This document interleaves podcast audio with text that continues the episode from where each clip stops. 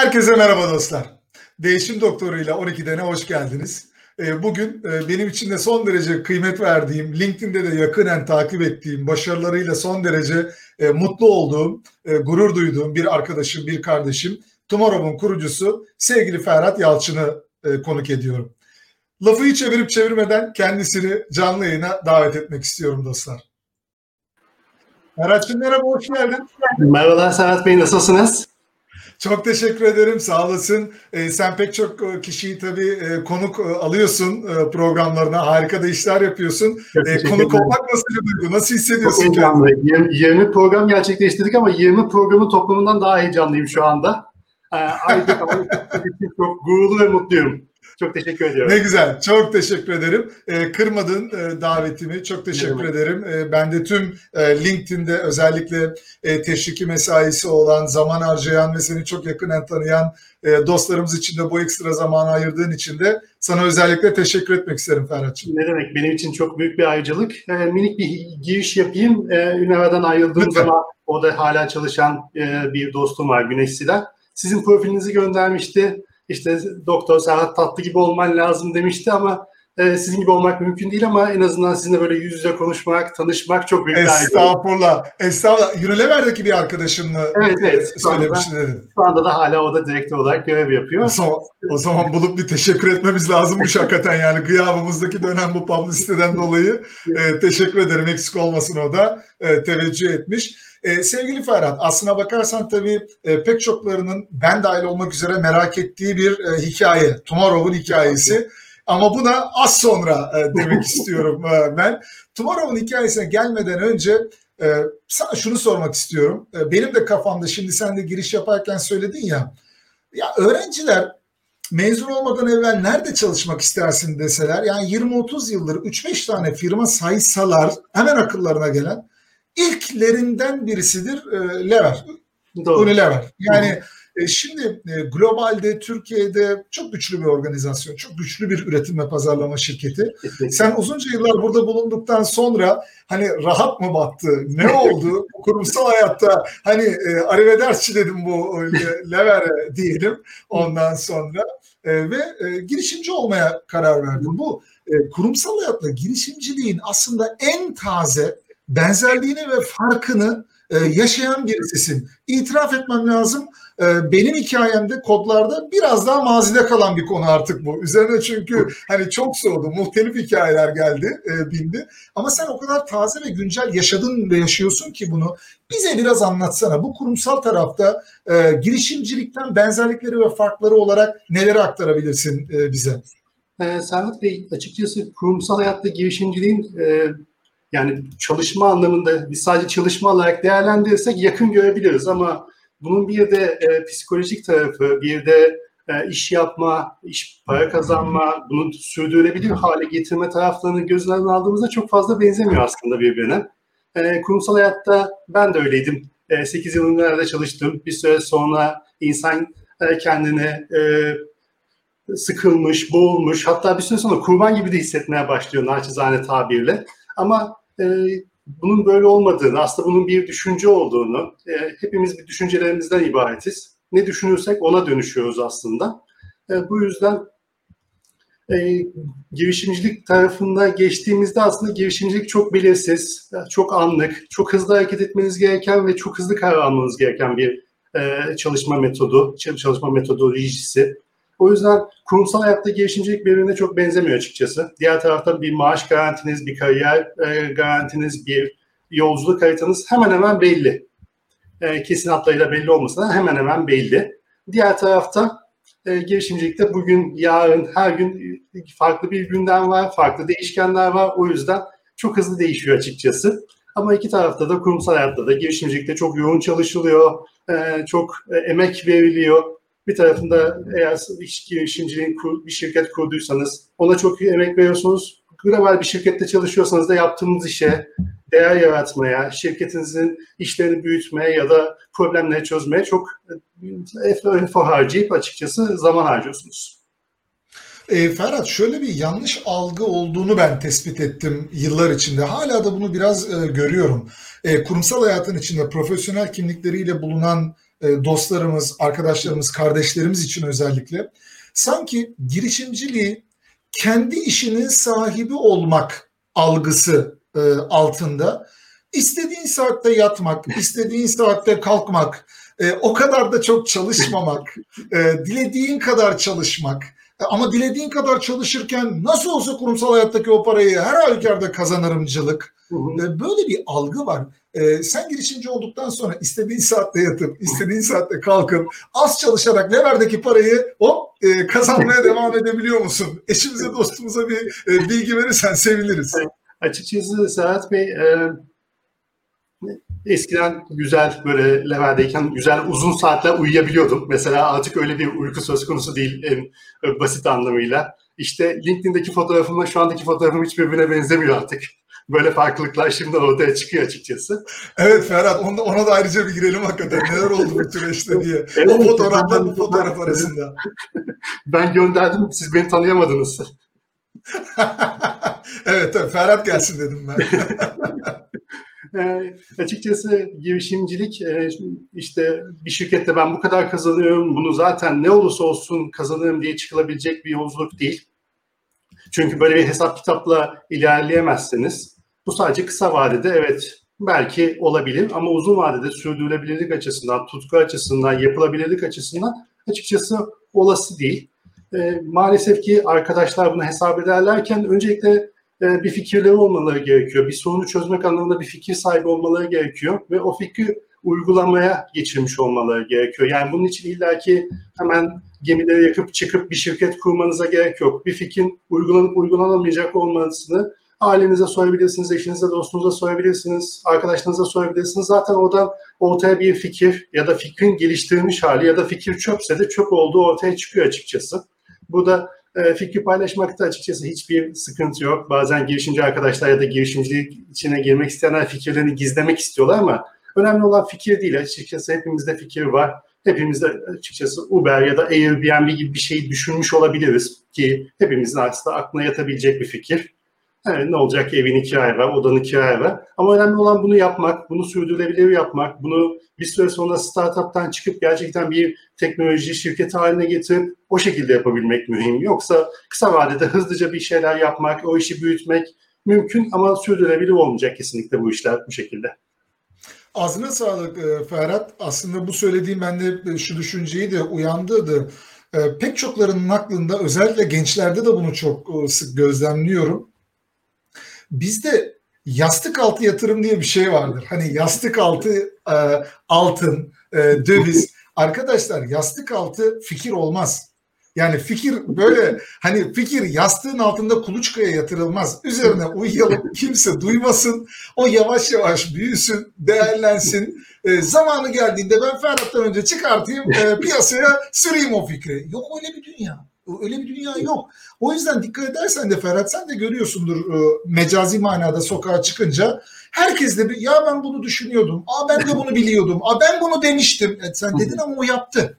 Yani e, sen yastık altında onu besle büyüt diye beklerken e, birileri o fikri hayata geçiriyor. Dolayısıyla bu e, fikrin turşusunu kurma temayülünden e, ya da böyle sırça köşkte e, gözümüz gibi bakma e, sevdasından bir vazgeçelim.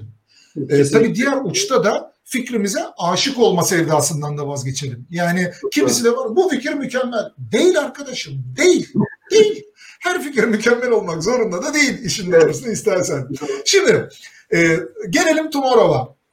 E, açıkça söylemek gerekirse geçtiğimiz yıl bu zamanlar e, Tomorrow diye bir şey vardı ama e, e, işin doğrusunu istersen e, varlığıyla yokluğu kendini çok fazla belli etmeyen bir e, tondaydı e, dozdaydı diyelim.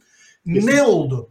Yani e, Tomorrow'un e, hiç çoktan e, bugün e, 35 binler 40 binlere yaklaşan e, takipçisi, inanılmaz bir ekosistem oluşturması, insanların orada e, bulundukları zaman kendilerini ayrıcalıklı hissetmeleri, o listede bulunmayı e, arzu ederek, düşünerek içerik üretmeleri E, bu hikayeyi Tomorrow'a bu geldiği noktaya taşıyan neler oldu? Fikir aşamasından itibaren biraz bunu senden e, dinlemek isterim. Ben de kişisel olarak çok merak ediyorum Ferhat. Açıkçası Serhat Bey bunun birkaç tane aslında e, bileşeni var. Hani yani klasik ama Steve Jobs dediğin gibi hani hayat geriye doğru bakıldığında anlaşılabiliyor diye. Aslında öyle yani noktalar birleştikçe anlaşılabiliyor. Yani işte kurumsal hayat tecrübesi, onun üzerine e, istifa kararından sonra o konfor alanından çıkmak, artık insanın kendiyle kalması, işte kendi ne yapacağını bulması, kendini tanıması, bu tanımayı da kendini tanımanın da birçok metodolojisi var. Ben bunu içerik üreterek yapmaya çalıştım açıkçası.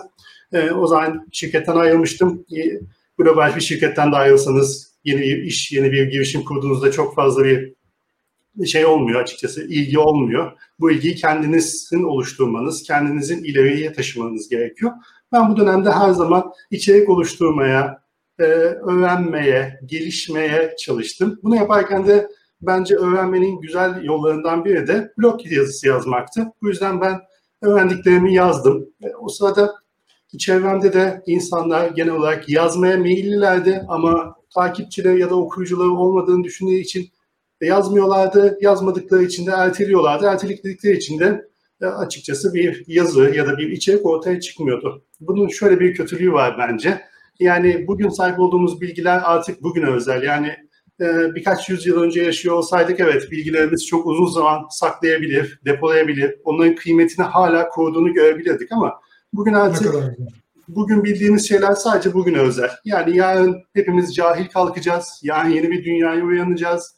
Yarın uyandığımızda bildiklerimizin bir kısmı doğduğunu yitirmiş olacak, bir kısmı e, yeni bilgilerle zihnimizde olacak. O yüzden insanın bugün sahip olduğu bilgileri, bugün sahip olduğu tecrübeyi, bugün sahip olduğu şikayeti dile getirmesi, yazılı yazıya dökmesi önemini çok inanıyorum ben. Ee, bunun açıkçası insani tarafında şöyle bir şeyinde inanıyorum. Ee, bugün eğer bir blog yazısı yazarsanız e, aslında kendi tarihinizi yazıyorsunuz. Yani işte 2020 yılında 24 Eylül'de Ferhat böyle biriydi diye iki yıl sonra o yazıyı açıp baktığınızda kendi kendinize düşüncelerinizi görebilir.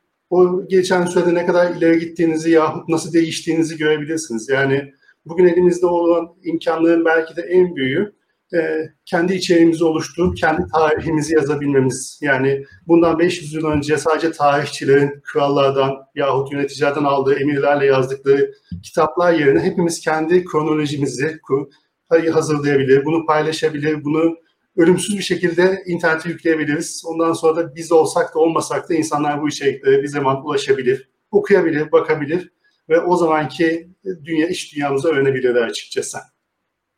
E, doğru söylüyorsun e, Ferhat'cığım. Tabii bir taraftan da e, bakıyorum e, Tomorrow'un yaptığı da dahil olmak üzere pek çok kişi bazen kurum e, Tomorrow'unkine benzer yani kürasyon dediğimiz biraz daha e, içeriklerin o çokluluğunun arasından e, seçilmişlik, bir seçki üretme, e, insanlar, takipçiler, izleyenler, okuyacaklar, potansiyel manada müşteriler için bir rafine, bir filtrasyon sürecini yapma çabasına girebiliyorlar.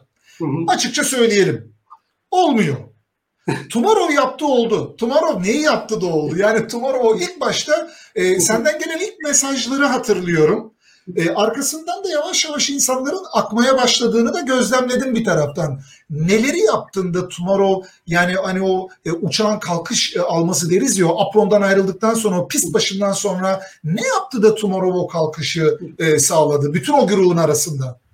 Açıkçası yine bu biraz önce bahsettiğim e, insanın anlamayışı ya da şeyin aslında herkes tarafından yavaş yavaş fark edilmesiyle ortaya çıktığını düşünüyorum ben Serhat Bey. Bu tarafta e, insanlar gerçekten bir süre sonra artık yazabildiklerini, yani herkes yazabilir ben buna çok inanıyorum. Herkesin kendi özel yetkinliği, kendi özel e, bir sanatı var. Bunu dile getirebilmesi çok önemli. Açıkçası girişimcilikle onu birleştirince ben şöyle düşündüm e, çevremde yazmak isteyen çok insan var ama bunların e, takipçi ya da işte bu yazıyı okuyacak mecrayı bulamama sıkıntısı vardı. E, ben de e, geçen sene 9 Kasım'da bir manifestoyla Tomorrow'un sosyal medya manifestosuyla işte bu düzlemde olması, bu dikeylerde olmasını rica ediyorum şeklinde bir şey yayınladıktan sonra birkaç gün sonra da şey yayınladım. Herkese açıktır Tomorrow. Buyurun siz yazılarınızı gönderin. Eğer bizim dikeylerimize uygunsa memnuniyetle buyurun e, yazılarınızı yayınlayalım. Böylelikle de bir ekosistem ortaya çıksın. E, insanlar okusunlar. Siz yazın böylelikle bir döngü ortaya çıksın istedim. E, o zamandan beri bu rakam beni çok mutlu ediyor açıkçası. 210 farklı yazardan 455 tane yazı yayınladık Serhat Bey. Yani Tomorrow'un takipçi sayısından daha ziyade bana keyif veren Tomorrow'un dışında oturuşturduğu, insanların yazı gönderdiği, yazılarının yayınlandığı ve bu yazıların okunduğu, okunu olması beni çok mutlu ediyor açıkçası. E, şimdi tabii 210 yazarın, içerik üreticisinin, fikir üreticisinin e, bu platformda Tomorrow sayesinde e, daha da etkin hale gelebilmesi, kendine yer bulabilmesi bence e, muazzam bir anlam. E, insanın kendisini de iyi hissetmesi için başlı başına bir konu. E, senin e, manifestonu yayınlamanın da ben çok olumlu etkisi olduğunu da düşünüyorum. Hani bu kriterleri en başta koyman, e, bu filtrasyonu yaparken hangi kriterleri dikkate alacağını söylemen, herkese açık olması konusu, hangi temalar, şunlar bunlar diye olanlar olmayanlarla ilgili o sınırların diyeyim mecazi manada doğru çizilmesi de sanki çok etkili oldu Ferhat.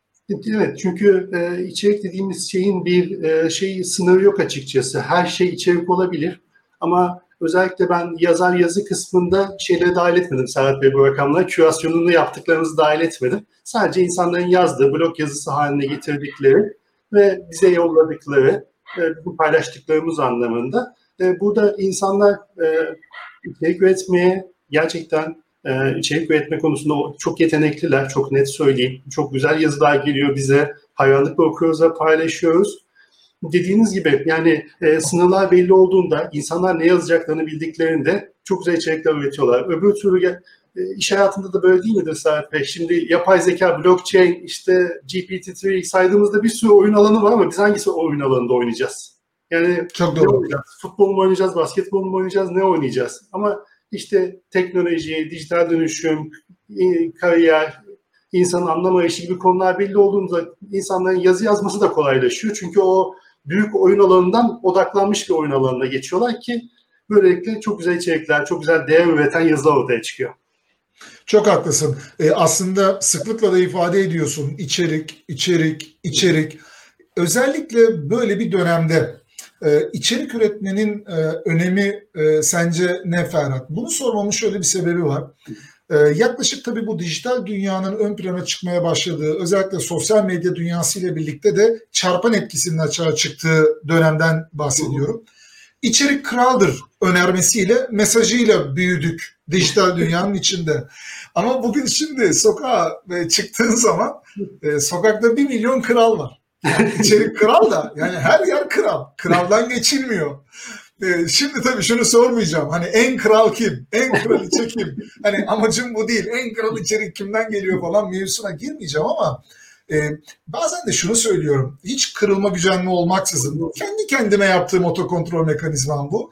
E, diyorum ki bazen ha pet şişe ha dijital pet şişe dijital dünyamızı korumak da bizim ahlaki görevimiz. Yani aklına gelen her şey içerik olmak zorunda değil. Bunun bir dengesi de var elbette. Şimdi bütün bunları düşünerek özellikle içinden geçtiğimiz bu tür belirsizlik e, kısmen evlerimize, ofislerimize ya da açık alanlarda bu kadar da ya da kapalı alanlarda bu kadar özgür olunamayan bir dünyada e, altını çizerek ifade ediyorum bunu.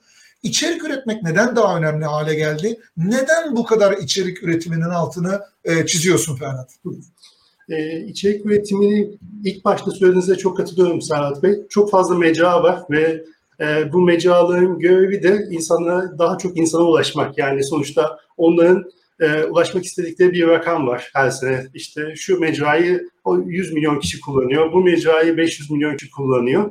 O yüzden doğal olarak e, yani Social Dilemma'da da izlediğimiz Netflix'in yapımında e, e, bu mecralar bizi çekmeye çalışıyorlar. Ve gerçekten her mecrada o, o, yarattığımız şey aslında bir içerik değil bana göre. İçeriğin e, bir anlamı olması gerekiyor, bir kalıcılığı olması gerekiyor, bir uzun vadesi olması gerekiyor bana göre. Yani e, tabii ki buna negatif anlamda söylemiyorum. İnsanlar başka platformları kullanabilir, fotoğraf paylaşabilir yahut başka paylaşımlar yapabilir. Bunlar da e,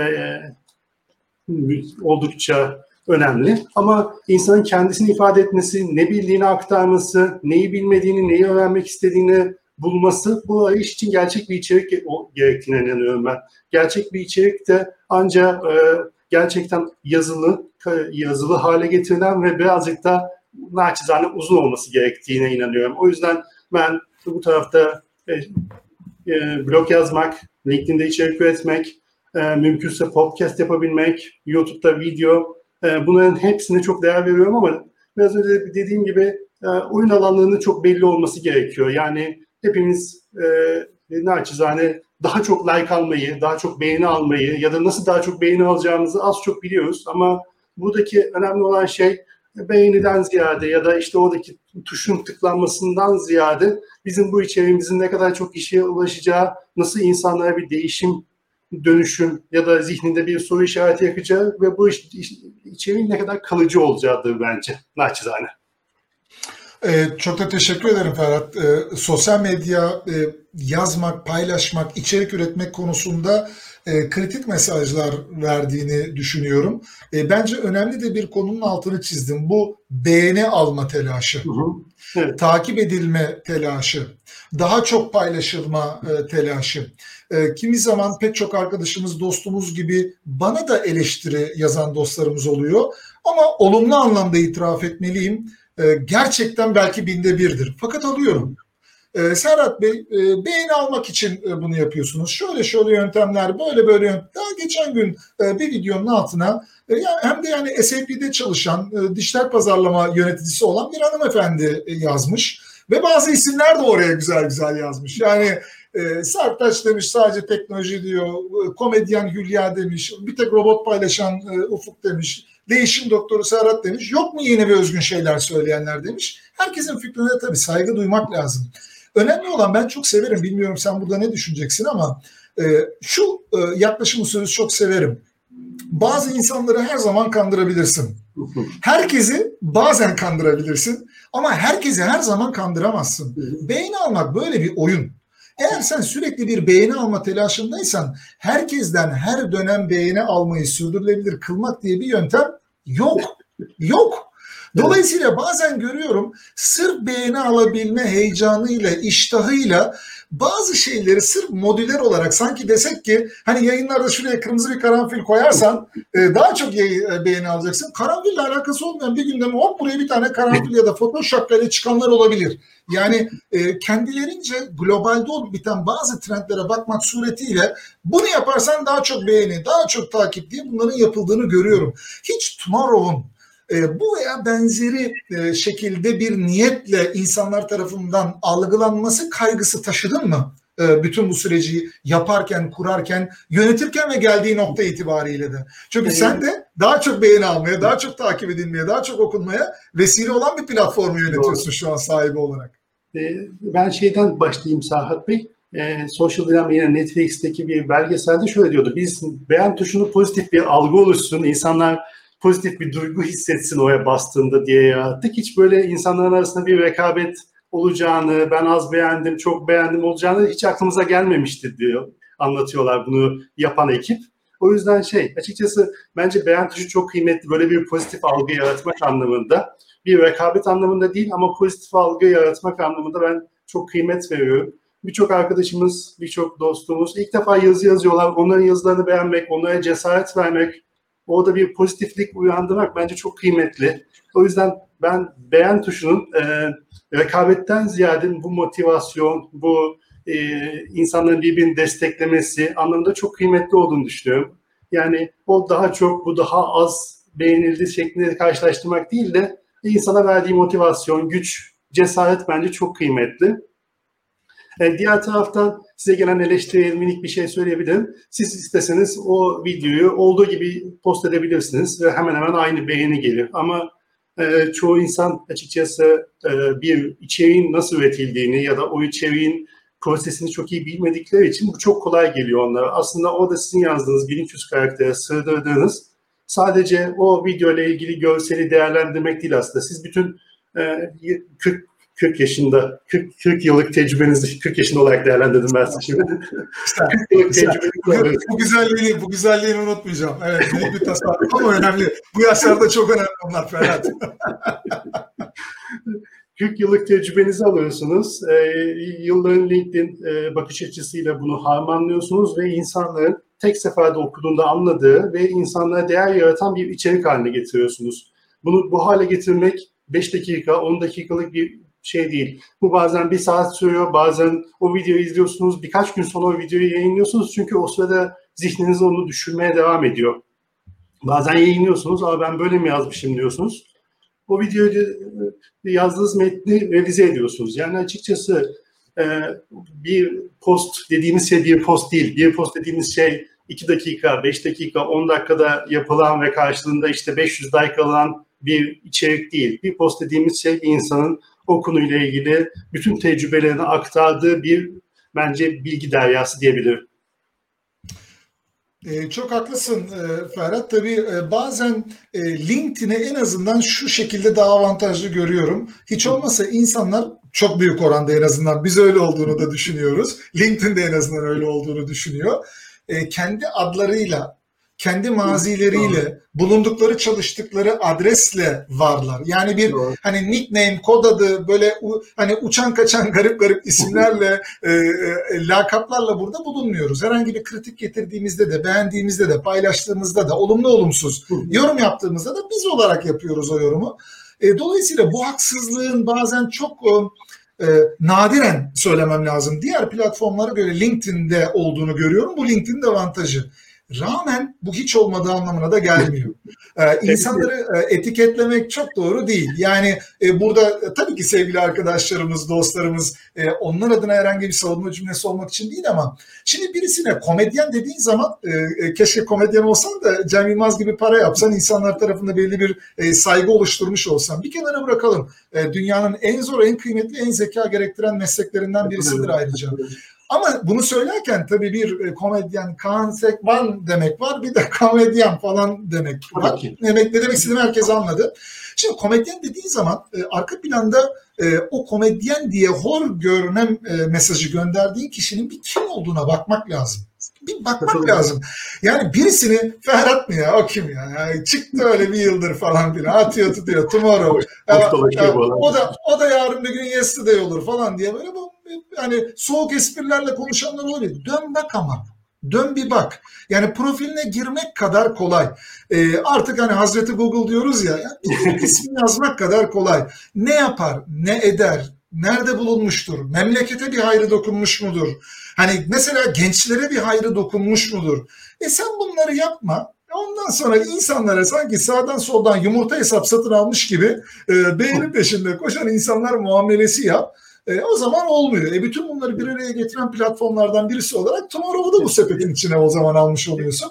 E, pek çok emeği de ziyan ediyorsun. Hoş olmuyor herhalde. Ben böyle düşünüyorum en azından. Bilmiyorum sen ne düşünüyorsun? Biz de çok eleştiriliyoruz. Bize de öyle hani mesajlar ya da yorumlar çok geliyor açıkçası. E, mesaj ya da böyle eleştirenlerden öğrenebildiğiniz kadarıyla olumlu eleştirileri alıyoruz tabii ki. Yani ne güzel. Tabii ki. tabii ki biz onlardan öğreniyoruz. E, bir hatamız varsa düzeltmeye de çalışıyoruz. Diğer taraftan dediğiniz gibi kırıcı eleştiriler açıkçası yapacağımız çok fazla bir şey yok.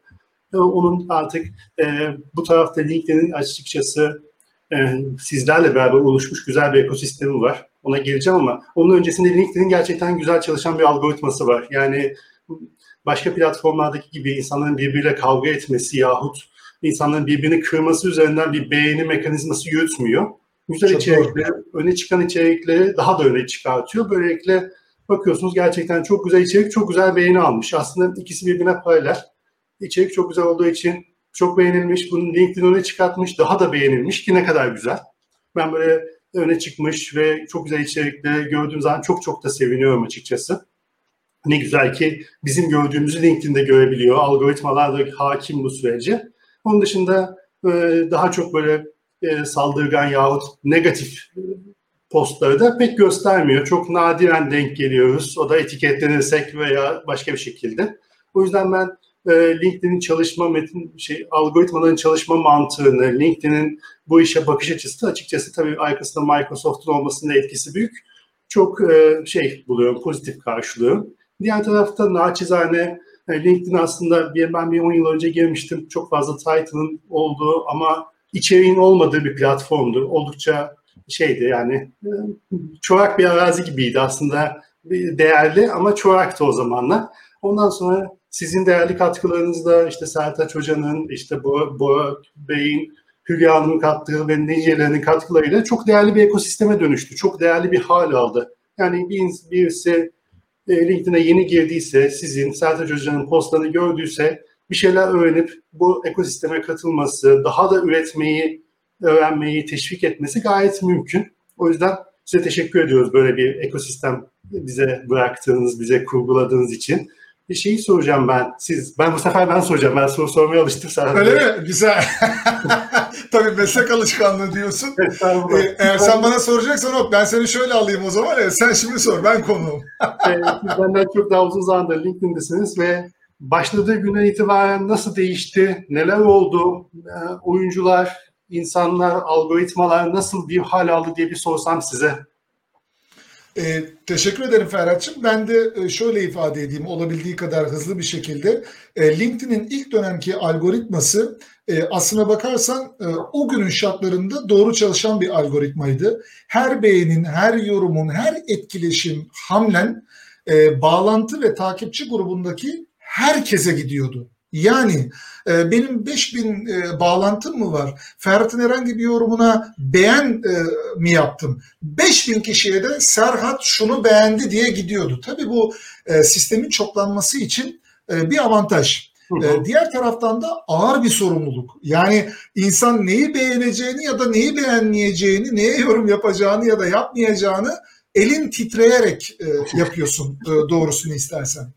E, Diğer taraftan e, bu mesela e, yıllar içinde algoritmada artık yerini farklı türlü bir seçiciliğe bıraktı. Hı hı. E, çünkü bağlantı sayısı, takipçi sayısı tarafı ile ilgili olarak LinkedIn dedi ki sınırsız bir bağlantı sayısı yapmayı artık durduruyorum. Çünkü herkes birbirine bağlantı daveti gönderiyor. Hani 120 bin özellikle tabii biz değil ama Amerika Birleşik Devletleri için bu geçerli. Çok daha yüksek nüfus yoğunluğu olan yerler için geçerli.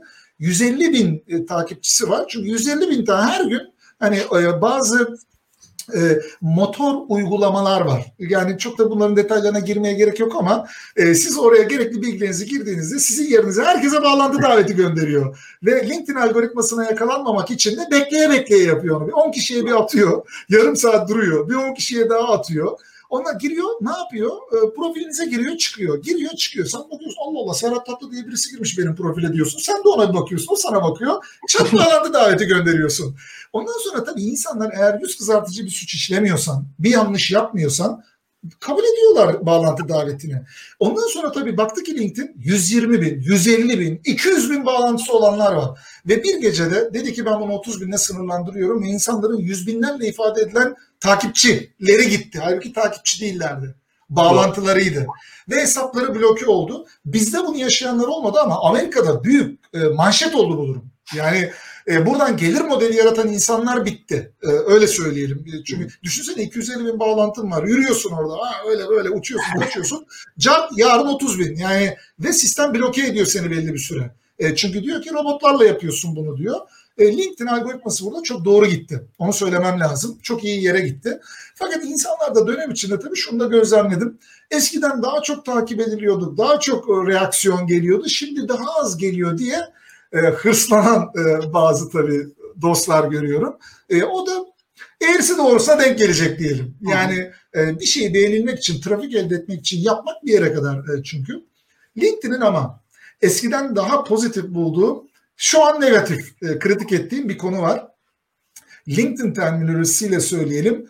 Long form post dedikleri yani uzun makale dedikleri şu an nasıl paylaşımda 1300 karakter sınırımız var ama long form post dediğimiz makalelerde böyle bir sınır yok. Daha doyurucu makaleler yazılıyordu. Daha doyurucu olduğunu düşündüğüm makaleler yazabiliyordum. ee, ve bu kıymet görüyordu LinkedIn algoritmasında. Doğru. Fakat şimdi long form postu e, paylaşsam e, alacağı trafiğin e, rakamlarla konuşacağım. 10 ila 50 katı arasında onu eğer short form dediğim kısa formlu 1300 karakterli paylaşımlara bölersem 10 ila 50 katı daha fazla görüntülenme şansı oluyor. Şimdi içerik üreten bir kişi olarak bana sor Ferhat.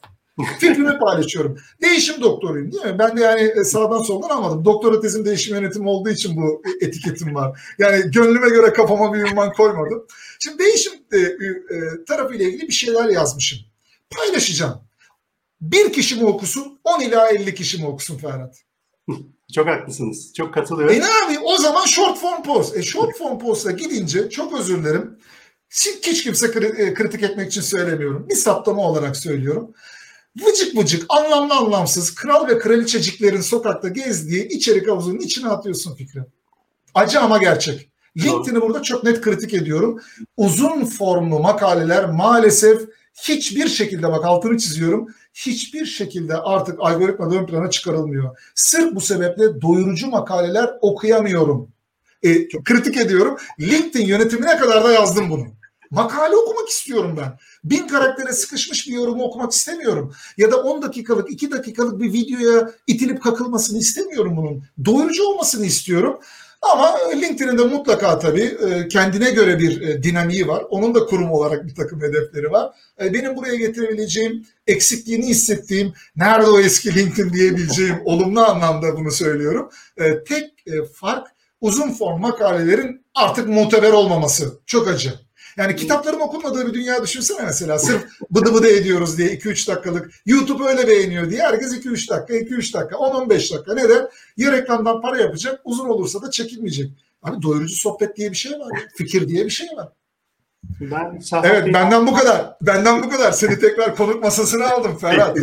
ben 200 tane yazı yazdım Serhat Bey. Naçizane blog yazısı. Ama hiçbirini LinkedIn'de yayınlamadım. Çünkü şey e, Google'da search ettiğinizde LinkedIn'deki yazınız çıkmıyor. Medium'da yayınladım. Medium'da blog yazısı yazmak için gerçekten çok güzel çalışıyordu. Bence dediğiniz gibi LinkedIn o yazı yazma büyüsü birazcık açıkçası zaman içerisinde kayboldu. Onun yerine de işte yeni girişim, Medium vesaire yeni girişimler almaya başladı diye düşünüyorum ben açıkçası.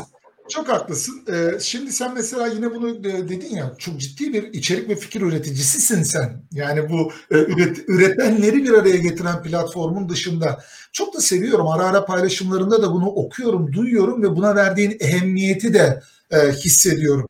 Sence bu insanın anlam arayışı diyoruz ya son dönemde iyice e, açığa çıkan bir ihtiyaç oldu bu hepimiz için. Evet. Bizi her sabah o yataktan kaldıran e, tutku hali, e, başlığı diğer bir deyişle. Yazmak bunun neresinde sence? İnsanın Yaz... anlam ayrışında yazmanın nasıl bir anlamı var? Yazmak ve okumak bence tam ortasında yer alıyor Serhat Bey günümüzde. E, maalesef ki yeni dünyada artık e, hepimiz çevremizi, telefonumuzu, hatta arabamızı bile kendimizden daha iyi tanıyoruz işin acı kısmı. E, hiçbirimiz kendimizin içine bakıp acaba ben gün içerisinde nasıl hissediyorum, sabah daha mı iyiyim, öğleden sonra daha mı iyiyim onu bilmiyoruz. Bunu bilmediğimiz için aslında bu kararlarımıza da yansıdığını düşünüyorum ben. Yani kendini yeterince tanımayan, tanımadığımız için doğru kararlar almaktan, geleceğimizi keşfetmekten, bugün anlamaktan biraz uzak kalıyoruz. Ben bu da içerik üretmenin insanın kendinin içine bakmasını, diğer taraftan da kendini keşfetmesi için önemli bir yolculuk olduğunu düşünüyorum. Ee, ben şeye kadar, istifa edene kadar hiç blog yazısı yazmamıştım. Hep blog yazısı yazmayı planlamıştım. Hiç yazmamıştım. Ama Sokrates'in dediği gibi olmak yapmaktır. Yapmaya başlamadan bir şeyi bir şey ortaya çıkmıyor açıkçası. Önce bir yapmanız gerekiyor. Birinci iyi olmuyor, onuncu kötü oluyor, yirminci kötünün iyisi oluyor ama zamanla düzeliyor, daha iyi oluyor. O sırada kendinizi anlıyorsunuz, kendinizin değişimini görüyorsunuz. E, naçizane Serhat Bey, bu yüzyıl içinde yaşadığımız yüzyıl bizim bence anlamayışımızla geçecek. Çünkü şu anda da satılan kitaplara, e, okunan kitaplara bakarsak hep bizim içimize yönelik. Çünkü gerçekten içimizden e, günlük hayatı olsun, iş hayatı olsun, sosyal medya olsun hep dışarıdayız biz. Hiç içimizde değiliz. İçimizde kalabildiğimiz kadar kendimizi tanıyabiliyoruz. E, Daniel Pink'in Ne Zaman bir kitabı var. Şahane bir kitap. E, yani öğleden sonra saat 2'de mantıklı kararlar alamadığımızı söylüyor. O yüzden vücut enerjimiz düştüğü için. Biz bunu aslında çok değerlendirmiyoruz kendimiz. Sabahtan itibaren başlıyoruz. Sanki her zaman aynı tempo, aynı enerji, aynı biliş, bilgi düzeyine sahipmiş gibi hareket ediyoruz ama aslında hissettiklerimiz, düşündüklerimiz, içimiz çok farklı. O yüzden e, blog yazısı yazmak, içerik üretmek, e, içerik üretirken üzerine düşünmek bence şeyi gerektiriyor. İnsanın kendi kendini bulmasını, kendi kendini anlamasını, e, kendi kendini ifade etmesini sağlıyor. Yani sosyal medyada bizim çok vaktimizi alabilir. Günlük hayat zaten iş hayatı çok vaktimizi alıyor. Hep dışarı taraftayız, hep dışarı görüyoruz, başka insanları tanıyoruz. Onların neler bildiğini, nelerden hoşlandığını üç aşağı beş yukarı biliyoruz. Ama kendimizin o işte bu yaşa geldikten sonra yıllarca nasıl değiştiğimizi, aslında nasıl bir insan olduğumuzu, bu yolculukta bir kısım hissiyatımızı, bir kısım duygularımızı neler kaybettiğimizi ya da kazandığımızı çok iyi bilmiyoruz açıkçası. E ben herkese yazmalarını naçizane öneriyorum. Yazdıkça biraz kendilerini bu daha iyi tanıyacaklarını, kendileriyle birlikte aslında e, içsel bir değişim içine gireceklerine inanıyorum açıkçası. Sana şunu soracağım Ferhat. Ee, mesela 200 e, blog yazın var ya, evet. dönüp baktığında e, direkt rakam vereyim mesela. İkinci blog yazınla 197. blog yazındaki e, yazma üslubunu e, nasıl e, buluyorsun karşılaştırdığında? Hiç yaptın mı böyle bir şeyi? Evet, ikincisi çok acemi. Yani o birinci, ikinci, beşinci, onuncu çok acemi. Böyle hani sanki karşımda aynayla konuşuyormuşum gibi yazmışım. Evet, evet. 197'de artık böyle birazcık daha hitabetim ortaya çıkmış. Birazcık daha kendim bulmuşum. Ne anlatmak istediğimi de bulmuşum. Kaybolmamışım. Ama daha gelecek çok yer var. İnşallah 400-500 yazı olur. O zaman daha da iyi olur. Belki şey istediğim seviyeye gelmez ama yaptıkça, denedikçe, uğraştıkça daha iyi olacağını düşünüyorum açıkçası ben. E, bunu sana neden sordum biliyor musun? Hani herkesin şöyle e, bir e, garip hali vardır. Bir kere herkesin sesi e, kendisi bir yerde dinlediği zaman, bir kaydı dinlediği zaman o ses kendine yabancı gelir ya insanın kendi sesi. Bu başkası ya ben değilim bu diye. Çünkü hani konuşurken duyduğumuzla dışarıdaki gerçek sesimizi duyduğumuz zamanki vaziyet farklı oluyor e, baktığında. Hani insanlar hep geçmişteki fotoğraflarından böyle biraz utanırlar. Yani ay ben ne kadar böyle, ay kolorlarım uzunmuş, ay paçalar gelişmiş, ay işte saçlarım o zaman sarıymış falan. Yani herkes böyle bir ay o zaman öyle, ay yakalar genişti, ay yakanın bağrı burada açıktı falan diye. E var çünkü öyle fotoğraflar. Yani inan e, bu yayını mesela e, bundan 18 yıl önce yapsaydı Serhat şöyle fotoğrafları var Serhat'ın. Şimdi müsaadenle kapayacağım. müsaadenle kapayacağım. Evet. Şimdi işin enteresan boyutu e, yazarken de bu var. E, yıllar evvel ilk yazdığımda, ilk paylaştığımdaki fikirlerin sahibi benim. Ve bu fikirler bilgiye de dayanan fikirler. Ama üslubuna, tarzına kurulan cümlelere bakıyorum. E, diyorum ki ya bu üstüme giydiğim şey değil ama o gün öyleymiş gibi geliyor. Dolayısıyla zamanın akışına ve doğallığına da biraz bırakması lazım dostlarımızın değil mi? Yani e, bundan e, cesaretleri kırılmasın da. Ya ben bu tam olmadı ya evet. Ferhat gibi yazamadım. Ya işte ya, ya evet yani elimize kağıdı kalem aldığımız zaman hepimiz Orhan Pamuk gibi yazamıyoruz yani. Kemal Tahir gibi yazamıyorsun. Yaşar Kemal gibi yazamıyorsun. O yüzden onlardan bir tane var zaten. Ama yani kendin gibi olmaya çalışmak da kıymetli bir şey değil mi blog yazarı olarak Ferhat? Kesinlikle Serhat Bey. Çünkü şey e, kendi hissettiklerinizi, düşündüklerinizi yazıyorsunuz. Bence Zaten bu tarafta bence o beğeni butonunun amacı bence bu tarafta bu insanlara yeni yazan, ilk defa yazan, 10. yazan cesaret vermek. Yani tabii ki bunu bir şeyle karşılaştıramayız. Bir kitap dediğiniz gibi bir Yaşar Kemal'le karşılaştıramayız. Bunun bir blog yazısı olduğunu anlamak, o insana destek vermek, o insanın ikinci, üçüncü, beşinci yazıyı yazmasına önünü açmak benim için çok kıymetli. Tam orada açıkçası biz bunu yapmaya çalışıyoruz.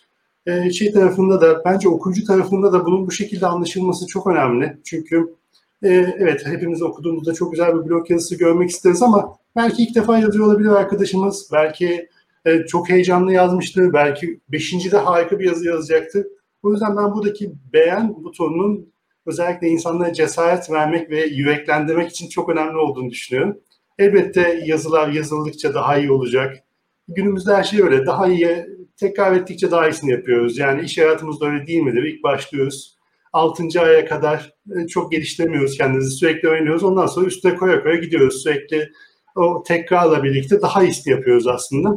Bence blog yazısı yazmak da, içerik üretmek de tekrar tekrar yapıldığında, karşıdaki insanın cesareti kırılmadığında, karşındaki insanla eğer bir not varsa eleştirel bir notla, eleştirel bir mesajla yaklaşıldığında bence önünün alınmayacak, sürekli devamının geleceği bir e, hobi demeyeceğim. Hobiden kıymetlisi bence alışkanlık bir süreç diyebilirim ben buna.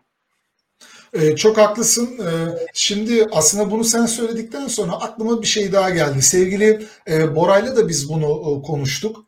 E, Tunç'la da konuştuk. Ee, insanların tabii özellikle bu blog yazma konusuyla ilgili olarak bir yerde bir kendilerini sıkışmış hissettikleri bir durum var e, Ferhat. Senden şunu duymak isterim. Ee, insanlar çalışırken e, bir kurumda çalışmaya devam ederken de bir girişimci gibi düşünebilmek ya da konfor alanından çıkabilme imkanını kendilerine yaratma şansı bulamazlar mı? Ya illa çatır çatır istifaya basmak zorundalar mı? Ya sen bunu hani bir nevi yaşadın. Şimdi sen günün sonunda istifa edip de yapanlardansın evet. bir taraftan ama yani bugünün gerçeğinde ya şimdi e, bak Ferhat eğer oturalım doğru konuşalım. Ben Unilever'de çalışıyorum. 8-9 yıldır da çalışıyorum. Çok güzel para alıyorum. E, kartlistimin köşesindeki logo dünyanın her yerinde maymuncuk gibi. Açmadığı kapı yok. Daha daha ne logo basacağız biz oraya? Yani şimdi Tomorrow nere, Unilever nere? Tamam. Kesinlikle. Ben şimdi e, Lever'den ayrılmak istemiyorum. Çocuğun okul taksidini ödüyorum ben Ferhat. Evet. Sorunlar var, sıkıntılar var. Sokakta pandemi var. Ben büyük sorun yaşıyorum. E, kafamda bir ara böyle Çeşme'de, Alaçatı'da butik bir e, dükkan, pastane açayım mı diye de düşünüyordum. Ama kiraları gördükten sonra ondan da vazgeçtim. Ya şimdi blog yazsam para kazanır mıyım kazanmaz mıyım bir dert. E şimdi ben ne verdi abi tedarikli satın almaydı. Buraya kadar zaten iş olmuş. Tepemde direktör müdür bıdı bıdı edip duruyor. E ben bütün bunlar dururken nasıl blog yazacağım? Hı hı. E, nasıl demesin? Şirkette çalışmaya devam ederken bunları yapabilmek mümkün mü? E, açıkçası çok mümkün. Yani e, dediğim gibi biz düşüncelerimize dönüşüyoruz. Ben orada sıkışıp artık hani e, istifa etmeyi ya da yeni bir başlangıç yapmayı düşündüğüm için o fikir aslında bir şeye dönüştü, gerçeğe dönüştü. E, bunun böyle olmasına hiç gerek yok. Yani evet birçok şirket çalışırken şirket kurmamıza izin vermiyor ama birçok hiçbir şirkette bizim LinkedIn'de içerik üretmemize, kendi orada hissettiklerimizi kalemimize kaleme almamıza yahut bir şirket LinkedIn'de bir şirket sayfası açıp işte beğendiklerimizi paylaşmamıza, başkalarının beğendik, başkalarının yazdıklarını buraya almamızda hiçbir şey yok açıkçası.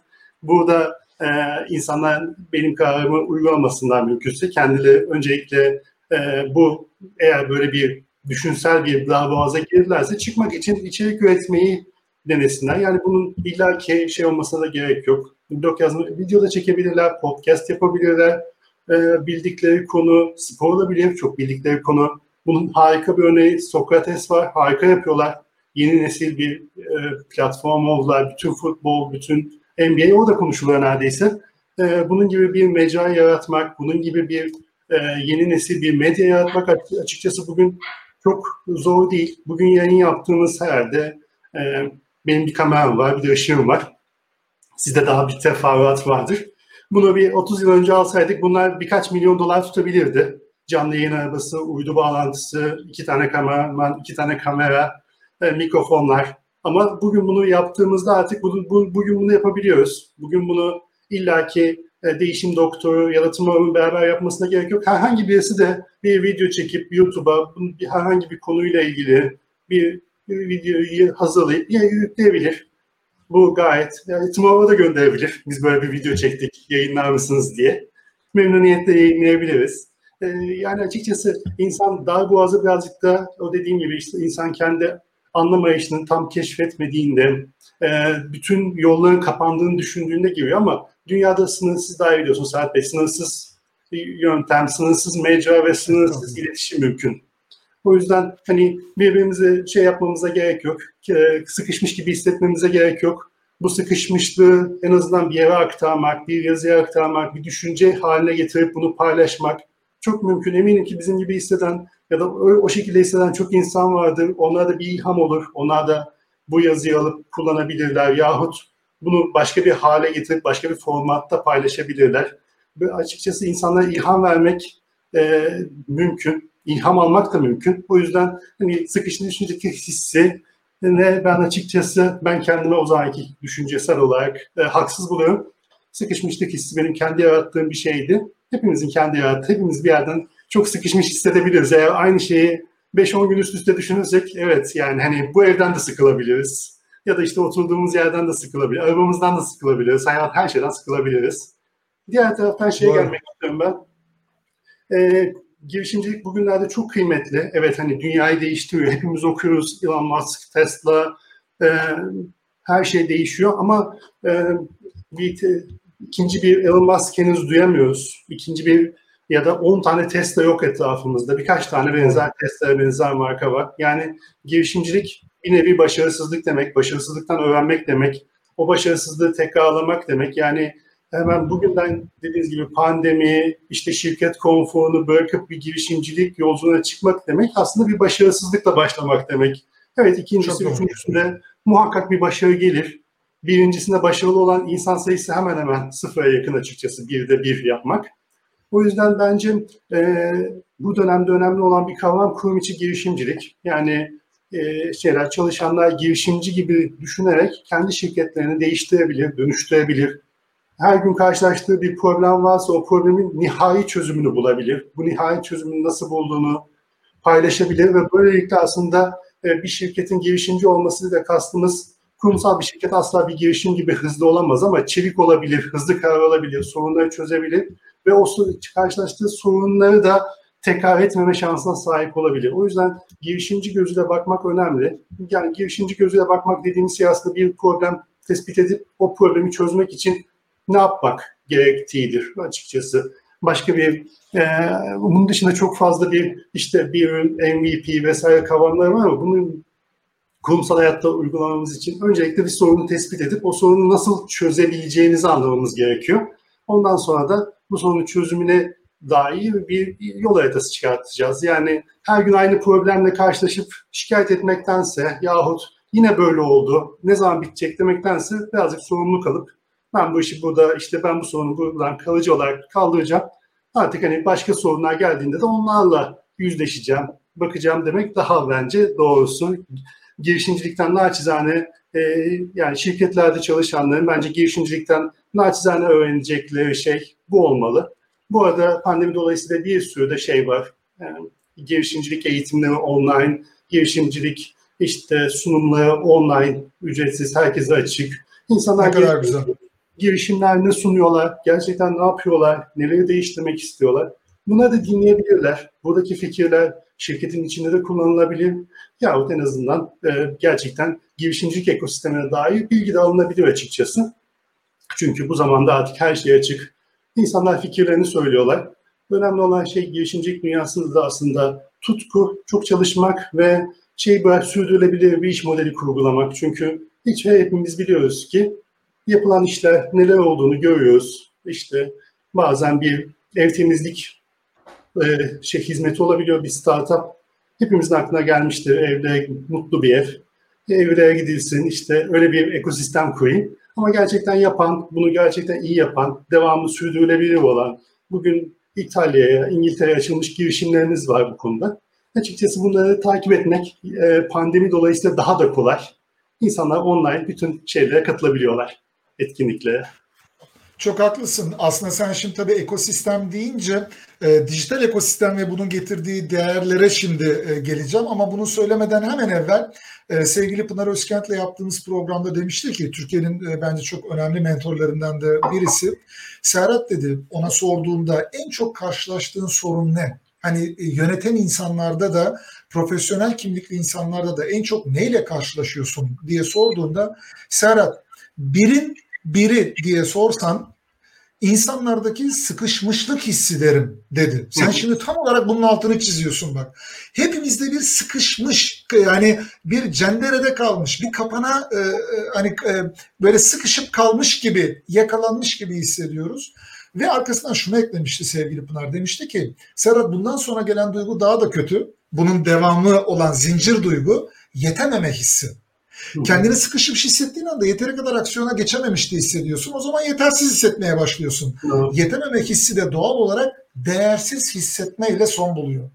Bir insan cinsinin başına gelebilecek en kötü duygu hali değersiz hissetme halidir. Değersiz hisseden birisi ben bu dünyada olmayı da hak etmiyorum'a kadar gidiyor. Ve hiç e, şu an bahsetmek bile istemediğim şekilde son buluyor zaten bu duygunun sonu e, açıkçası. Evet. Tabii Çok psikiyatrik güzel. başka türlü rahatsızlıklarda yoksa doğrusunu istersen. Dolayısıyla ne kadar güzel ifade ettin. Ağzına sağlık. Şu sıkışmışlık hissinden dostlar özellikle genç kardeşlerim yeni de e, mezun, üniversite mezunu olacak arkadaşlarım ya da mezun olup iş arayışında olan dostlarım ya da kıdemli yöneticiler olup bir biçimde ayrılmak kararı almış ya da durumunda kalmış yeni iş arayan dostlarım. Şu sıkışmışlık e, halinde bir atın üstünüzden. Çünkü biliyoruz ki bu önce yetememe hissini sonra kurban durumunu ondan sonra değersiz hissetme durumunu beraberinde getirecek. Yapmayın bunu kendinize. Siz değerlisiniz, insansınız en nihayetinde. Dolayısıyla ne kadar güzel söyledi Ferhat. Bir kere deneyeceksiniz. Yıllar evvel İsveç Kralı'na dediği gibi e, Rus savaşlarında önce yenileceksin, bir dahakine daha güzel yenileceksin. Bir dahakine daha güzel yenileceksin ki en nihayetinde de yani neyi öğreneceksin? Hayatta biraz e, böyle bir şey aslına bakarsan. Şimdi ekosisteme vurgu yaptın. E, kendi adıma da çok mühim buluyorum bu ekosistem kurmayı, oluşturmayı ki dünyada da zaten network ekonomi üzerine artık yapıyoruz, çalışıyoruz. Ben e, üniversitede e, ekonomi okudum. E, o gün okuduğum ekonomi, arkasından yaptığım ekonomi yüksek lisansında da konuştuğumuz dinamikleriyle bugünkü ekonominin dinamikleri bambaşka yerde. Başına gelen o network kelimesinden dolayı. Sen bu dijitalde ekosistem oluşturmayı, insanların bu dijital ekosistemde birbirinden beslenmesini nasıl buluyorsun? Ne tür değerler e, açığa çıkarabilir mesela bunlar e, sevgili Ferhat? Ee, Serhat Bey biraz önce başta söylemiştim. Burada büyük bir ekosistem aslında LinkedIn'in kendisi. Yani sizlerin kurduğu bir ekosistem mevcut. Burada paylaşımla, beğeniyle, pozitif eleştiri ve enerjiyle aslında yürüyor. Mümkün ee, olabiliyor. Evet. Tomorrow'da aslında bunun bir yan kolu gibi.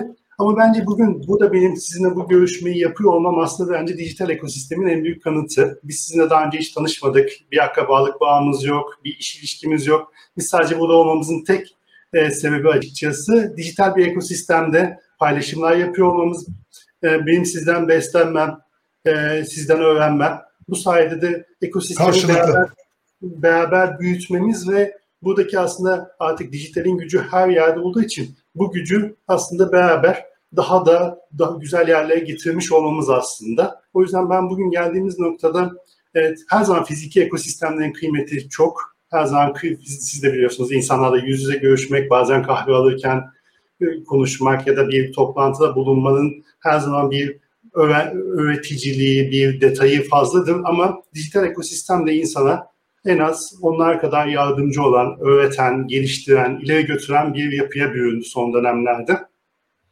E, naçizane bizim e, televizyondan kalan kötü bir alışkanlığımız var. Televizyon tek taraflı. Biz izliyoruz. Bilgiler karşıdan geliyor. Bilgileri alıyoruz, almıyoruz. Orası ayrı ama tek taraflı bir iletişim var.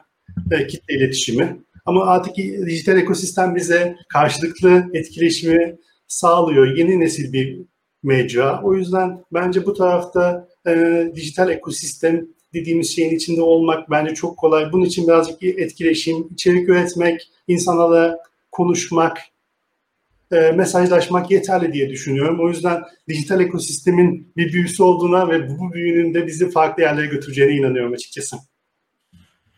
E, için doğrusunu istersen sevgili e, Sertaç da bence çok önemli bir koridor e, açtı zaten. E, LinkedIn'den başlayarak dijital e, dünyada e, yeni nesil yayıncı e, kimliğiyle birlikte sonrasında bu hashtag'e de dönüştü ama benim dünyamda hep e, açıkça söylemek gerekirse e, Sertaç'a park ettiğim e, bir e, ünvan bu. Hele hele bir iki yayında da söyledim. E, bir gün e, bak burada sana onu anlatayım. E, e, YouTube vesaire e, dünya buna döndü artık. Ana akımda haber bülteni izleyen mi var Allah aşkına yani? E, izlerken bir taraftan Cüneyt Özdemir'i izliyorum. Hala hala diyor ki aynı anda diyor 3-4 kanalda birden diyor canlı yayındayız. Türkiye'de bu büyük falan. E ben dedim ki bunun aynı anda 5 e, kanalda aylar önce yapanı var. Yani e, Sertaç yani bunu 5 aydır yapıyor. E, yani e, bazen tabii herkesin o ilk olma, tek olma falan filan diye çok estiği gürlediği dönemler görüyorum ama e, biraz da hakkı teslim etmeyi de e, öğrenmek lazım. Yani herkesin birbirinden beslendiği bu yapı ne kadar güzel söyledin. Biz seninle bir araya gelmedik, bir kahve içmedik. Zaten Almanya'da bulunan pandemi dönemi vesaire son 6 ayda çok istesem de gelip gidemedim. Eşim, dostum ve ailemi de tabii odağıma koymak suretiyle. E, fakat bak bugün buradayız, sıklıkla yazışıyoruz, paylaşıyoruz, birbirimize danışıyoruz. Hep söylüyorum, Sertaç'la birbirimize fikir veriyoruz. Sağ olsun o e, pek çok konuda yönlendirme yapıyor. Ben dilim döndüğünce fayda yaratabildiğim konularda yapıyorum. Hülya öyle, Bora öyle, Pınar öyle, Fazlı Hoca öyle. Yani e, bu ekosistemi ve birbirinden beslenme halinin kime ne zararı olabilir diye düşündüğünde inan tek bir madde sayamıyorsun. Tek Kesinlikle. bir madde sayamıyorsun. Böyle keskin bıçak gibi bazen sadece acıtmak için yapan dostlar olabiliyor. Ya bırakın bu işleri falan yemem ben. Öyle beğenip peşinde konuşuyorsunuz. Bana değil Ferhat'a yedirin bunları falan diye. ya kendi kendime de güldüm kusura bakma. Ya hakikaten böyle olanlar böyle olanlar var. Hani büyük oyunu çözmüş onlar Ferhat. Büyük oyunu çözmüş. Yani LinkedIn algoritmasını uyutan bir 4-5 kişilik ekip olarak e, bizim olayımızı çözmüş. Yani büyük orta projesi gibi büyük LinkedIn projesini ya çok affedersin hakikaten ama ya böyle arkadaşlarımız olabiliyor. Ben yemem falan diye ondan sonra ama e, umarım dilerim e, o da e, e, yer bilim. Yani ki e, bunun kimseye bir zararı yok çünkü birbirimizden beslenerek büyüyoruz. Bunun da çok kıymetli olduğunu açıkçası e, düşünüyorum. Serhat Bey bir de aslında biz şu anda başlangıç noktasında duruyoruz bence. Yani bundan sonra e, misal çok yaşa, çok yaşa. şey e, minik bir üniversite gibi dersler online'da, canlı yayında, LinkedIn'de mümkün olabilir. Belki bir müze açılışı olabilir. Belki bir filmin ilk gösterimi olabilir yahut lansman olabilir. Ya kültür sanatla ilgili bir sanat etkinliği burada canlı yayınlanabilir. Yani aslında bu mecra, bu yaptığımız işlerin henüz e, anca başlangıç noktasında duruyoruz. Bence yapılabilecek, heyecan verecek, insanlara ilham verecek, e, beraber öğrenebileceğimiz çok iş olduğunu düşünüyorum bu taraflarda. Çok haklısın, çok haklısın. Şimdi sen tabii işin e, girişimcilik ekosisteminde de, startup ekosisteminde de bulundun. Sadece hani bu kreasyon diyelim, blog, yazı, içerik üretimi ve paylaşımının dışında e, Özyeğin Üniversitesi'nde de aldığın e, roller oldu. Biraz oraya da referans vererek. Genel anlamda bu Türkiye'deki e, girişimcilik ekosistemini dünya ile mukayese ettiğinde nasıl buluyorsun? Bize bununla ilgili fikirlerini biraz paylaşır mısın Ferhat? Açıkçası çok güzel, iyi girişimlerimiz var. Zaten e, girişimlerimizden de artık dünyada da ses getiren, ülkemizde de giderek e, yükselen e, başarılı işler çıkartılıyor. E, naçizane tabii ki biz Silikon Vadisi olmadığımız için çok fazla kaynak mevcut değil. O yüzden girişimleri yeteri kadar e, yatırımlarla beslemek mümkün olmuyor. Bu e, bu bir anlamda negatiflik aslında. Buradaki e, zamanla bunu da çözüleceğini düşünüyorum. Çünkü birçok büyük kurum, mesela İş Bankası bir yatırım fonu devreye aldı. Giderek bütün şirketlerin aslında kurumsal anlamda bir yatırım sermayesi ortaya çıkacak. Bu da girişimcilik ekosistemimizin büyümesi, hızlanması ve daha da değerlenmesi için çok büyük bir adım olacak. Girişimcilerimiz oldukça çalışkan, oldukça yaratıcı. Yani özellikle dünya ile yarışabilecek girişimlerimiz de var. O yüzden ben girişimcilik ve yeni neslin girişimciliğinin ülkemizi değiştireceğini, ülkemize çok büyük katkılar sunacağına eminim. Yeter ki ona yeterli destek hem şey anlamında psikolojik hem cesaretlendirme anlamında hem de yatırım anlamında yeteri kadar destek verip onları anlayabilelim ve bu girişim ekosistemini büyütmek için hep beraber hareket edebilelim. Önemli olanların bunu olduğunu düşünüyorum açıkçası ben. Çünkü e, destek vermeden kendi kendine bir ekosistemin büyümesi mümkün değil. Destek vermek bazen mentorluk olabilir, bir fikir onları alıp birkaç ay ileriye götürebilir. Destek vermek bir kurumla tanıştırmak olabilir, kurumun bir ihtiyacı vardır, girişimcinin bir çözümü vardır, ikisi bir araya gelir. Çok da güzel olur. Bunun Türkiye'de çok örneği var bugünlerde artık. Ee, böylelikle hızlanabilir ya da yatırımla şirketlerimizi de, girişimlerimizi destekleyebilir. Onların bir birkaç seviye atlamasına yardımcı olabiliriz. Bunun için e, yapılacak işler çok var. Yani ama ben bu şeyde girişimcilik ekosistemin Türkiye'de ileride Türkiye'nin kalkınması, gelişmesi ve büyümesi için çok kıymetli olduğunu ve üzerine de gerçekten düşünülmesi gerektiğine inanıyorum. E, dün e, Microsoft'un genel müdür yardımcısı sevgili Tarık, Tarık Tüzünsü konuğundu. Çok güzeldi. Serhat, çok teşekkür ederiz. E, dedi ki ya Serhat, e, fikre yatırımlar. Önemli olan fikre pazar bulabiliyor musun? Özellikle Microsoft tarafında da startup ekosisteminde de aktif rol alan birisi olduğu için e, çok önemsiyorum Tarık'ın yorumlarını bu konuda. Belirleyicidir çünkü. İnsanlarda bazen şöyle bir umutsuzluk da oluyor. Fikrim var ama para yok. Yani sen buna katılıyor musun? Yani fikri olana para yok mu bizim memlekette? E, açıkçası fikir hepimizde var Serhat Bey. Geçenlerde sevgili Emre Ölçer'le İş Bankası Girişimcilik Birim Müdürü'yle bir konuştuk. En çok Türkiye'de en çok fikir taksicilerde varmış. Çünkü herkesin fikirlerini eriştikleri için, herkes onlarla fikirlerini paylaştıkları için Ama önemli olan bir fikir değil. E, daha önce de söylediğim gibi Sokrates'in sözünü anlatılacağım yine yapmak olmaktır. Bir şey olmadan, bir şey ortaya çıkmadan, bir ürün haline gelmeden, belirli bir aşamaya geçmeden açıkçası fikir hepimizde var. O yüzden fikir tek başına bir kıymet ifade etmiyor bugünümüzde. Bu aynı şey biraz önce dediğimiz gibi içerik üretme konusunda da geçerli. Eğer çok düşündüğünüz çok güzel bir blog yazısı olabilir zihninizde. Ama ben bunu okuyamıyorsam açıkçası bu bir hale gelmiyor, bir değere dönüşmüyor. Aynı kavram fikir için de geçerli. Fikir ne zaman execution edilirse o zaman kıymetli, o zaman e, anlamlandırılabilir, o zaman piyasada değeri var mı, karşılığı var mı, yatırım yapılabilir mi konusuna ancak o zaman gelinebilir. Onun öncesinde bizim kendi kendimize e, bir fikir ortaya çıkartmamız ancak şey olur, sohbetimizde kalır. E, çok haklısın. Bu arada senden e, tabii e, o kadar çok sayıda hakikaten seni seven ve seni ayrı bir yere koyan bir kitlen var ki Ferhat. Harika da yorumlar da geliyor bir taraftan bakıyorum. Belki sen de takip edebiliyorsundur. senden, bu, senden senden bu programa özel e, programın sonunda bir sözün özü e, bekleyenler var. E, başta sevgili e, Yiğit olmak üzere, Yiğit Yılmaz olmak üzere. E, dolayısıyla senden bir, bu programa özel sözün özü e, bekleyeceğiz. Ya o kadar hoş yani o kadar e, satır anlattıklarından bence manşet değeri olan kıymetli vardı ki onlardan birisinde zaten burada ekranda e, görüyorsun. Sokrates'i refer ettiğin hani yapmak olmaktırdan tut da hakikaten fikir herkeste var. Memlekette de en çok işte yapılan araştırmalar söylüyor. E, taksiciler de var. Yani e, eğlenmek istiyorsan e, sor anlatsınlar. Yani dinleyin anlat itibaren. Böyle de bir durum var, gerçeklik var. O kadar çok sayıda insana dokunuyorlar ki çünkü e, düşününce bakınca. Şimdi e, işin aslına bakarsan e, beni üzen, son dönemde de üzerine yazdığım, paylaştığım da bir konu bu. Çok sayıda eşim, dostum da LinkedIn'de bu konuda yazıyor.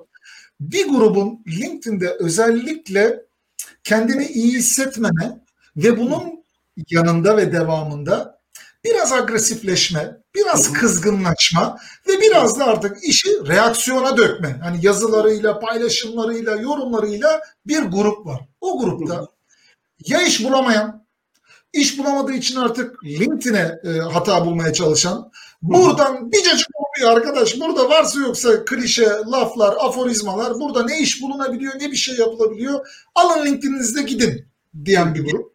Bir grup başvuruyorum, cevap alamıyorum, insan yerine konmuyorum. Yahu siz nasıl insan kaynakları departmanısınız? Cevap verin olumlu olumsuz e, diyen e, bir grup.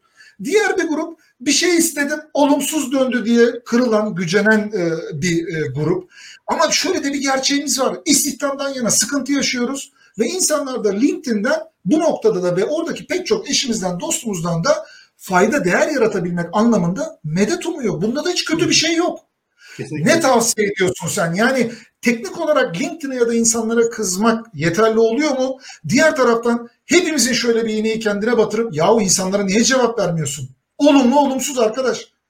300 tane başvuru var. Oturma o zaman orada. Oturma o zaman orada. Çok tabii. Zaman çok... bulamıyorum cevap yazmaya.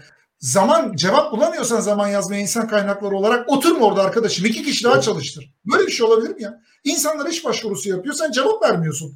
Teşekkür ederiz. Şu şu sebeple e, yolumuza biz bir başka tarafla devam etme kararı aldık bile diye mi? Cevap vermemek ne ya? Sen sokakta birine selam ver sana dönüp bakmasın. Sen ne hissediyorsun bakalım?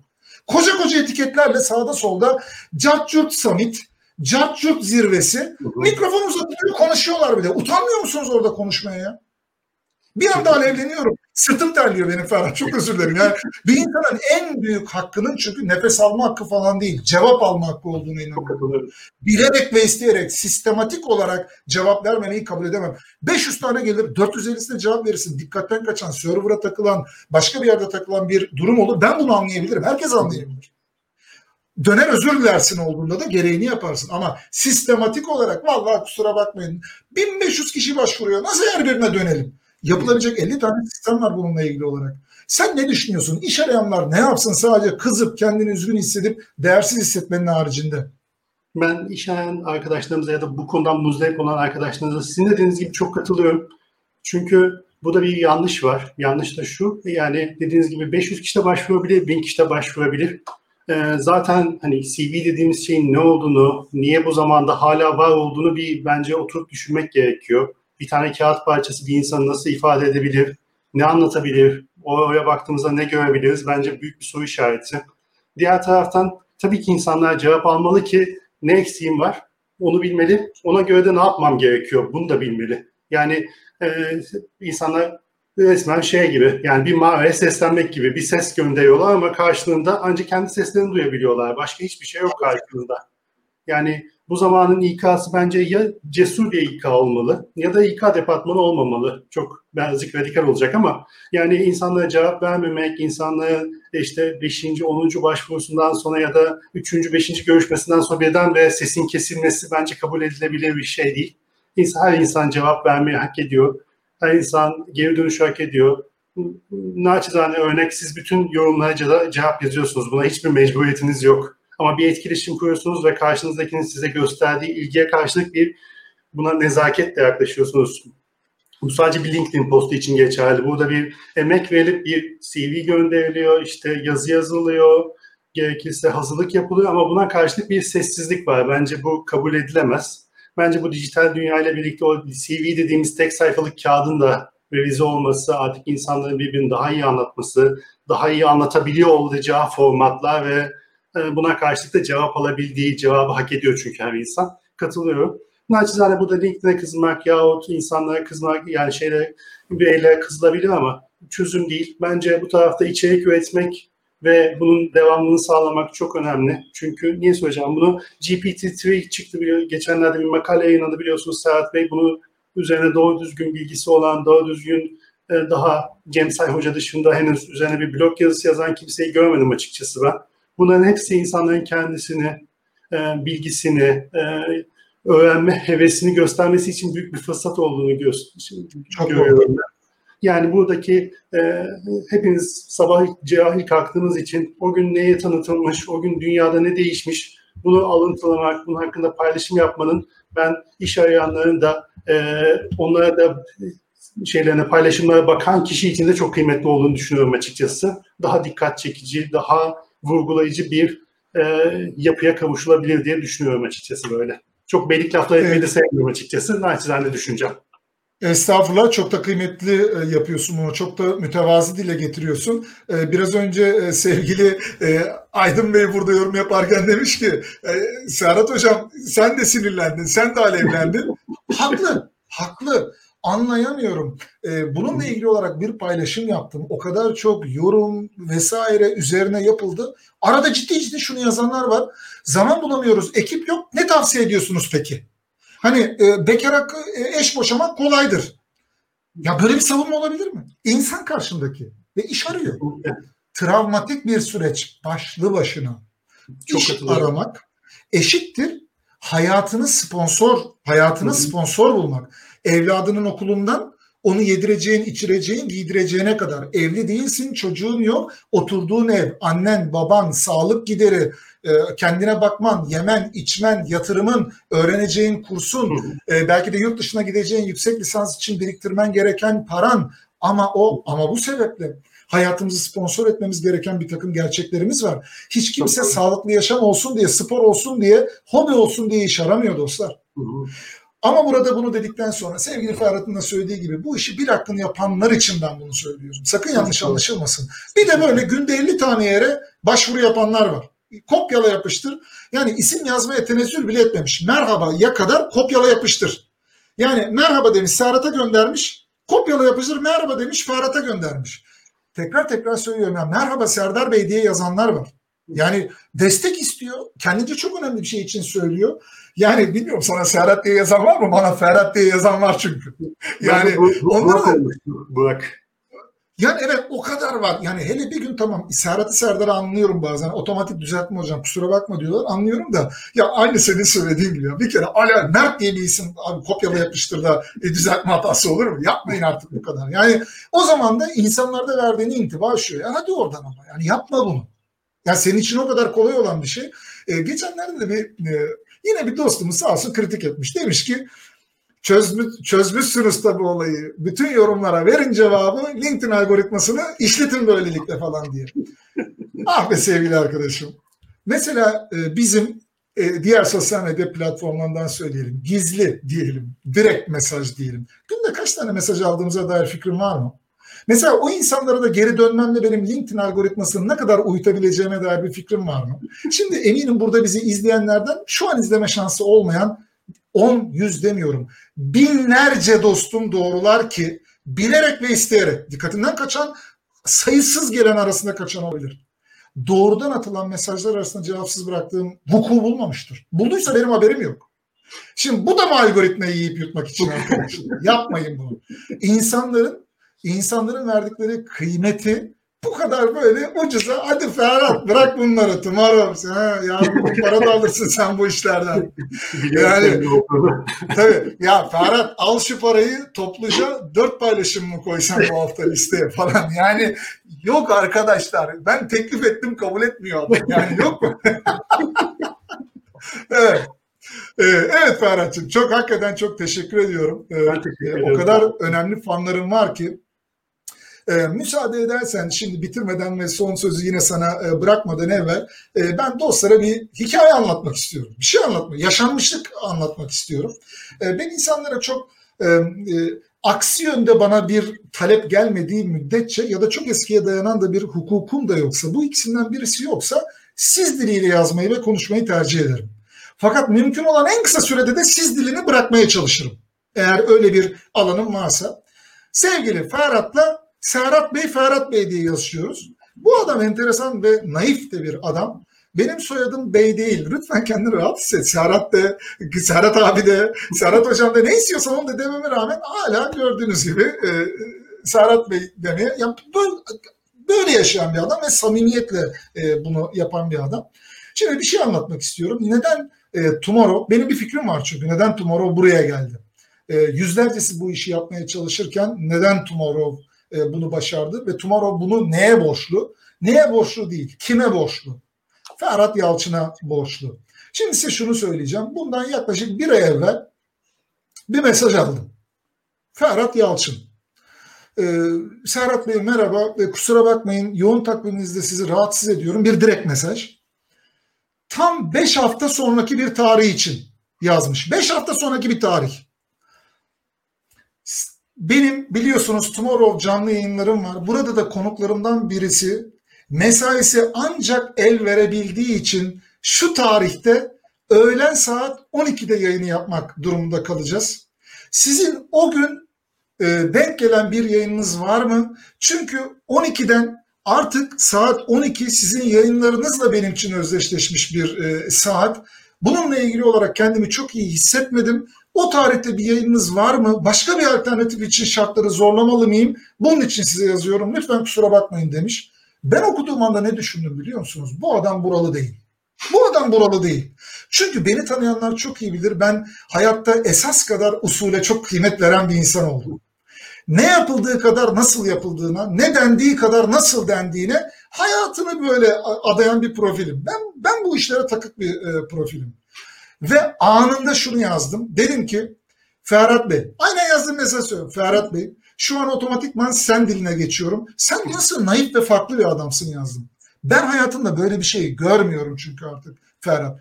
Bunu samimiyetle yapman, senin insanlara getirdiğin bu samimi yaklaşımın seni farklı yapan şey bu yönünü kaybetme sevgili arkadaşım ve eğer kabul edersen sevgili kardeşim diye de bitirdim mesajı. Doğru mu Ferhat? Harika oldu. Çok duygulandınız beni. Çok teşekkür ediyorum Serhat Bey. Evet ve o mesajı da öyle bitirdim. Dolayısıyla ve dedim ki benim bu adamın yaptığı ve başardığı işten dolayı değil ama yaptığı işi nasıl yaptığıyla ilgili daha çok insana ve kitleye gösterebilmeye naçizane elimden geldiği kadarıyla aracı olmam lazım. Vesile olmam lazım. Bu benim ahlaki sorumluluğum. İşi gücü 12'deni falan filan geç bunu. Yani e, böyle bir dünya yok ama sen özel bir adamsın. Ben buna canı gönülden e, inanıyorum. E, o yüzdendir ki Tomorrow'da yaptığın iş de özel bir iş oluyor. Gitgide de çığ gibi de büyüyor. O açıdan yolu da açık olsun diyorum Tomorrow'un. Son sözü bu vesileyle sana bırakmak isterim sevgili Ferhat'cığım. Serhat Bey, beni çok gerçekten çok duygulandığınız, çok e, anlattığınız, değer vermeniz, kıymet vermeniz benim için çok kıymetli, çok değerli. Bugün burada olmak benim için çok büyük bir ayrıcalık. Sizinle konuşuyor olmak, dediğim gibi Ben ilk yolculuğuma çıktığımda sizi takip etmeye başlamıştım ve bir gün hani böyle bir canlı yayında olacağımız bir hayalim de yoktu açıkçası. Bu fazla bir hayaldi. Estağfurullah.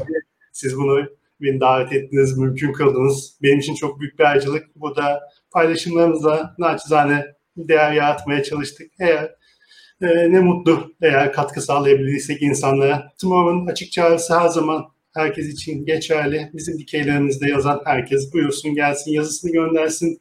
Biz memnuniyetle yayınlarız, paylaşırız. Umarız ki daha çok insana ulaşır. Umarız ki daha fazla kişi okur. Böylelikle e, şimdiki 212 yazarımız vardı. Umut ediyorum ki 2000 olur, 4000 olur. Ne kadar çok insan yazarsa o kadar daha büyük bir ekosistem ortaya çıkar. Böylelikle insanların birbirinden öğrenmesi, gelişmesi, ilerlemesine naçizane minik bir katkımız olursa da ne mutlu bize. Çok teşekkür ederim bir kez daha. İyi ki varsın. Yolun açık olsun. Tomorrow'un da yolu açık olsun. E, heyecanla ve büyük keyifle e, gelecek planlarını da Tomorrow'un hayata geçirmesini e, takip edeceğiz. İlham almaya, esinlenmeye devam edeceğiz. E, bu süre zarfında da elimizden gelen en ufak bir e, imkan olduğunda da değer yaratabilme, fayda yaratabilme imkanı olduğunda da hani derler ya e, dükkan senin diye eskiler böyle esnafın söylediği çok güzel sözler vardır. Hiç öyle pazarlama kitaplarında aramaya gerek yok. Yani müşteri veli nimettir için Virgin Atlantic'in kurucusunun dediğine gerek yok. Hani çocukluğumuzda büyürken öyle bakkallarda, manavlarda yazan o kartona yazılmış şeyleri bile okumak bazen yeterli olur. E, dükkan senin o açıdan sevgili Ferhat. Çok Eksik teşekkür olun. ediyorum. İyi ki varsın. Çok teşekkür ederim. İyi ki varsınız. Görüşmek üzere. Sevgiler, Görüşmek selamlar. Çok teşekkür ederim yayına katıldığın için. Evet, Sağ olun. Ben teşekkür ederim. Evet dostlar. Bugün değişim doktoruyla 12'den de konuğum Tomorrow'un e, kurucusu sevgili Ferhat Yalçın'dı. Programda da söylediğim gibi sevgili arkadaşım, sevgili kardeşim diyorum. Çünkü e, bunu hak eden naiflikte yaptığı işi usulen de nasıl yapılması gerektiğine dair ders niteliğinde en azından bana da hissettirdiği için sizinle de paylaşabilme imkanı bulabilmesi için davet etmiştim. Kendisi de sağ olsun e, kırmadı. E, burada girişimcilik ekosisteminden tutun, dijitalde ekosistem yaratmanın önemine ve değerine, birbirimizden beslenmenin önemine, insanın anlam arayışında yazmanın neden önemli bir başlık olduğuna kendimizi keşfetme yolculuğumuzda kendisinin kurumsal hayatla girişimcilik arasındaki bulduğu benzerliklere ve e, farklara Hakeza Tomorrow'u e, kurduğu günkü ve bugün geldiği nokta itibariyle yaşadığı adımlara ve Tomorrow'un hikayesine varıncaya kadar e, pek çok konuda sohbet etmeye e, gayret ettik. Umarım, dilerim sizin için de faydalı, kıymetli, değerli bir program olmuştur. Eğer siz de bunu daha çok dostumuz görsün, okusun, onlara da bir faydası olabilir derseniz yayın sırasında veya sonrasında da bu yayını paylaşabilirsiniz. Bir vesileyle de canlı yayını kaçırmak ya da e, durumunda kalan ya da daha erken çıkmak durumunda kalanlar da herkese e, Doktor Serhat Tatlı YouTube kanalında 12'lerin YouTube kanalında takip etmek suretiyle de bu yayının tamamını da e, izleyebilirler. Benden, e, bizden bugünlük bu kadar. Önümüzdeki hafta değişim doktoru ile 12'den de Salı günü önce Kibar Holding'in, Türkiye'nin e, göz bebeği holdinglerinden Kibar Holding'in e, CEO'su e, sevgili e, Haluk Bey, Haluk Kayabaşı Bey konuğum olacak. Çok kıymetli bir büyüğüm Haluk abim. Diğer taraftan çarşamba günü de diğer bir göz bebeğimiz e, hani hiçbir şey yoktu, hiç kimse yoktu. Pınar hayatımızın içindeydi. Yaşar Holding'in e, CEO'su sevgili Mehmet e, Aktaş e, bizlerle birlikte olacak. Dolayısıyla salı ve çarşamba günleri olur da ajandanız, takviminiz el verirse öğle yemeğine ya da kahve molanıza e, misafir bekleriz sizi dostlar. Önümüzdeki hafta salı gününe kadar kalın sağlıcakla. Şimdiden harika bir hafta sonu diliyorum. Yarın program olmayacağı için görüşmek üzere. Sevgiler, selamlar. Bay bay.